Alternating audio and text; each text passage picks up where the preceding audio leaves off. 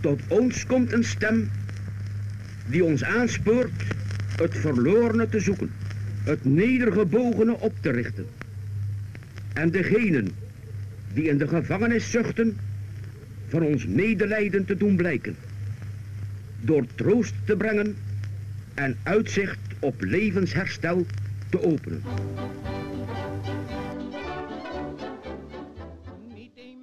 Mensen die in de gevangenis zuchten, zegt minister De Wilde in 1936. Want wie in die jaren in de gevangenis zit, heeft het al niet makkelijk. Maar er is nog een overtreffende trap. Eenzame opsluiting. Ooit bedoeld als menselijke straf, hè, na alle vrede lijfstraffen, maar in de praktijk blijkt niets minder waar. Mensen worden vaak letterlijk gillend gek in totale isolatie, vertelt Erik Jan Broers van de Tilburg University. In deze bonus bij zeker een moeilijke jeugd gehad. En je hoort mijn collega Mariette, want zij geeft deze schrijnende situatie een menselijk gezicht. Morgen zijn de spoken van het heden, weggevaard behoren tot verleden. Morgen gaat het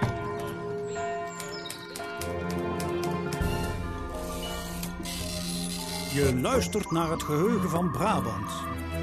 De podcast van het Brabants Historisch Informatiecentrum in Sertogenbos.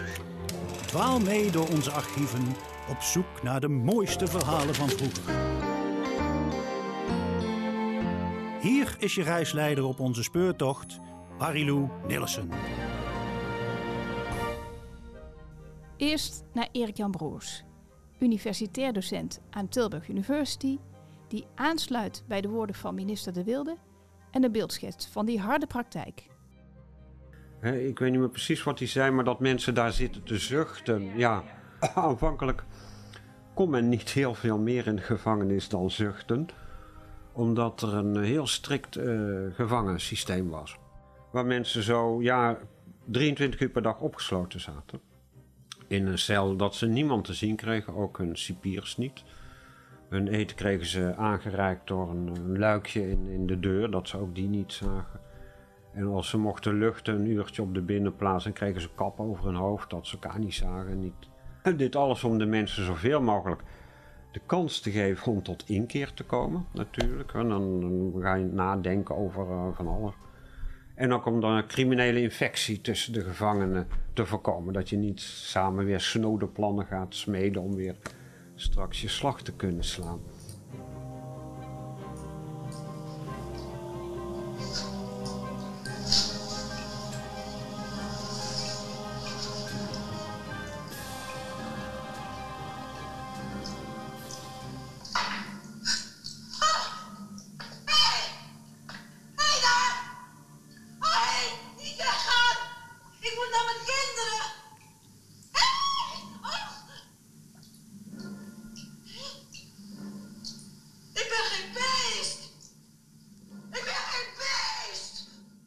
Je hoort hier een fragment uit de tv-serie Willem van Oranje, uitgezonden in 1984. In dit fragment hoor je de stem van Linda van Dijk, die Anne van Saxe speelt. Willems echtgenote die uiteindelijk eenzaam wordt opgesloten en die dan na twee jaar in die cel overlijdt. Inmiddels krankzinnig geworden, zo wordt verondersteld. Ik was 14 toen ik deze serie zag en ondanks allerlei spectaculaire vechtscènes en brandstapels is dit fragment me het meest bijgebleven. Alleen in die cel. Maar goed, met Anne van Saxe zitten we in de 16e eeuw. Dus echt iets voor de late middeleeuwen? Met die vraag ga ik naar mijn collega Mariette. Mariette is nu coördinator van de studiezaal, maar werkt al heel lang bij het BIC.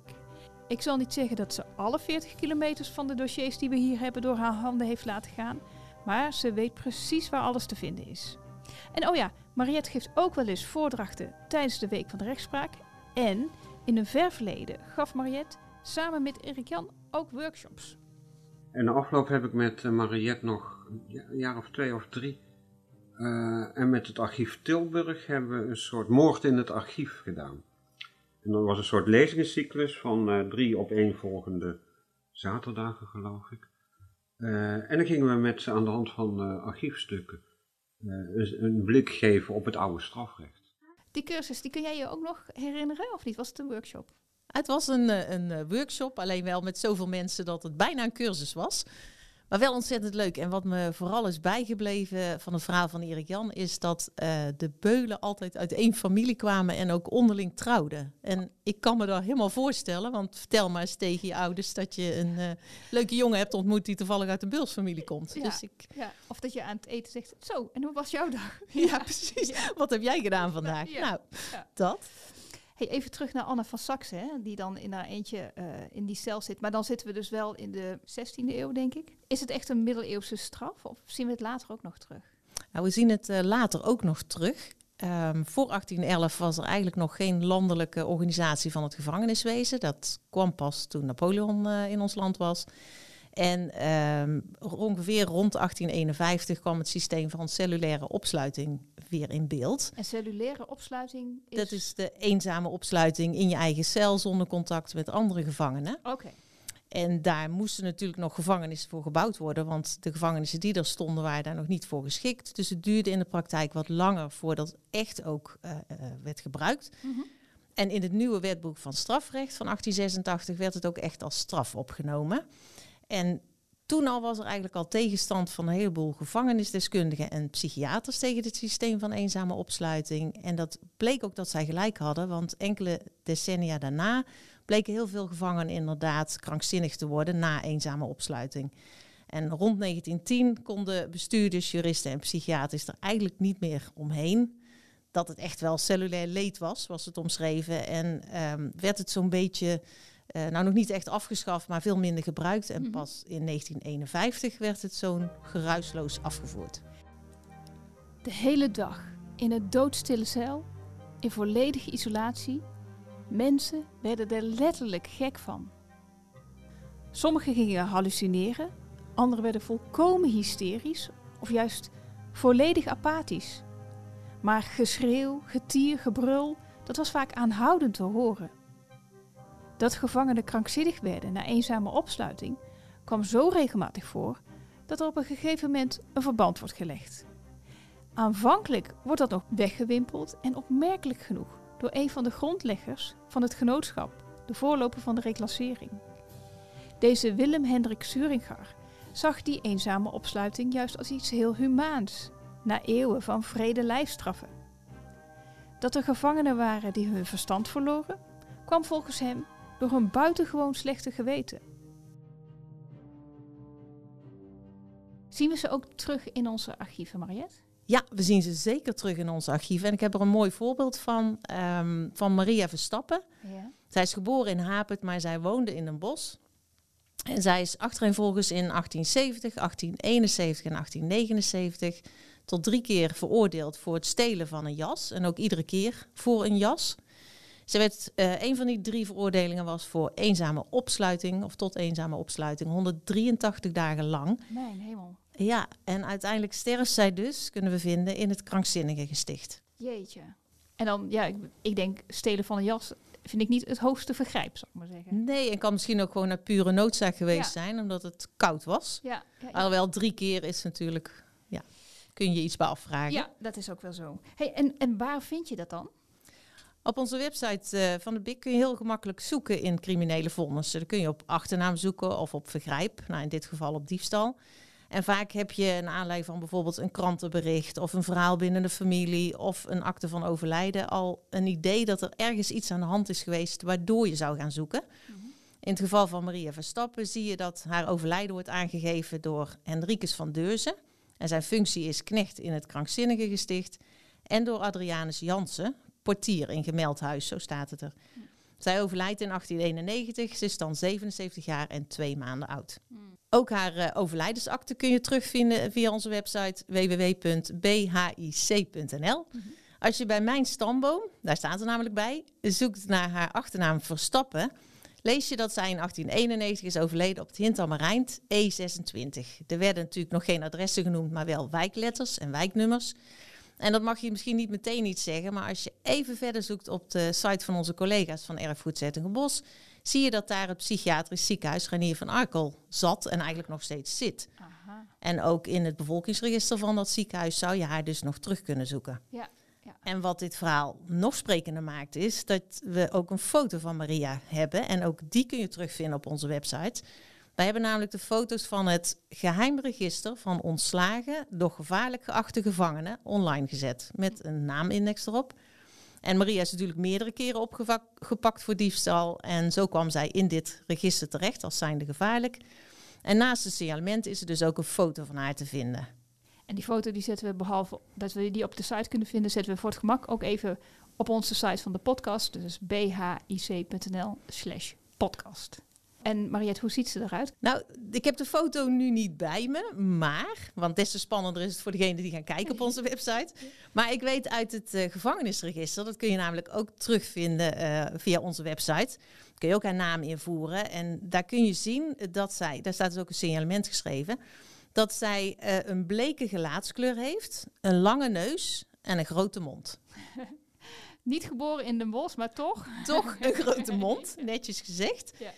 En je ziet in die gevangenisregisters um, dat zij in 1879 door de arrondissementsrechtbank Bos, en dat klopt dan weer met het vonnis wat we al gevonden hadden, is veroordeeld tot 183 dagen eenzame opsluiting. En je ziet ook dat het niet de eerste keer is dat ze in een cel eenzaam wordt opgesloten, maar dat zij uh, bij herhaling dat heeft moeten doen. Hmm. Vind jij zelf gevangenisarchieven een van de mooiste bronnen? Ja, dat is wel een van de mooiste aanvullingen op, uh, op het doen van stamboomonderzoek, op het kennen van je voorouders. Dit dan wat mindere kanten, maar uh, net zo waardevol en geven net zo goed een beeld van hoe zij toen leefden en moesten leven. En Mariette zou Mariette niet zijn als ze in onze archieven niet nog iets heel bijzonders heeft aangetroffen over die eenzame opsluiting. Wij hebben naast de inschrijvingsregisters van de gevangenis, hebben we natuurlijk ook het, het archief, het administratief gedeelte van zo'n gevangenis. En ik heb nog gevonden in het archief van de gevangenis Breda dat er uh, bestek en voorwaarden worden ingeleverd voor de bouw van een cellulaire kerk op het terrein van de gevangenis. En een cellulaire kerk hield in dat de gevangenen dus apart van elkaar en zo veilig mogelijk, misschien ook voor de omgeving zo veilig mogelijk, naar de kerk konden gaan. Onderling contact was niet toegestaan.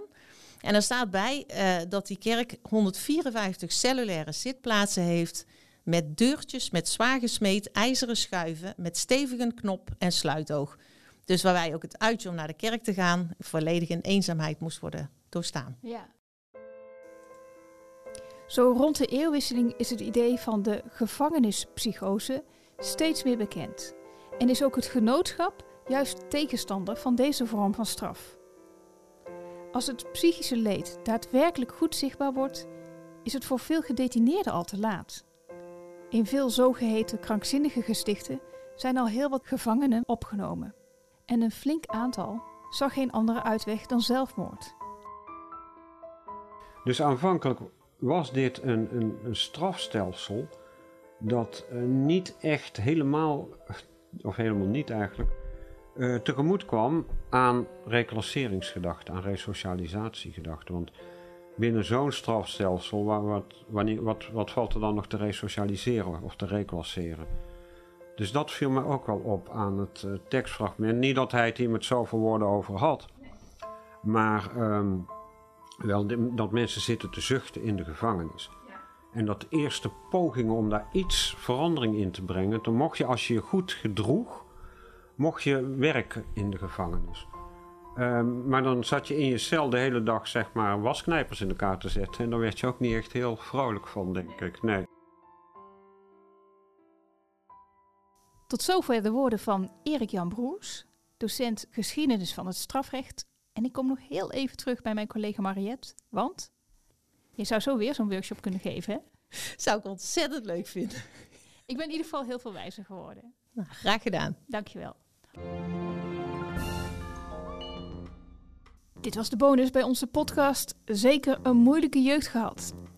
Als je nou met interesse hebt geluisterd, geef ons dan een review op je favoriete podcast-app. Want op die manier kunnen meer mensen onze podcast ontdekken. En voor meer informatie over deze podcast of over reclassering, kijk op bhic.nl/slash podcast of check onze show notes. En oh ja, abonneer je ook op het geheugen van Brabant, want dan mis je niks. Ook niet de volgende. Dan stappen we namelijk in een historische autobus en maken een ritje door de geschiedenis van het Brabants streekvervoer.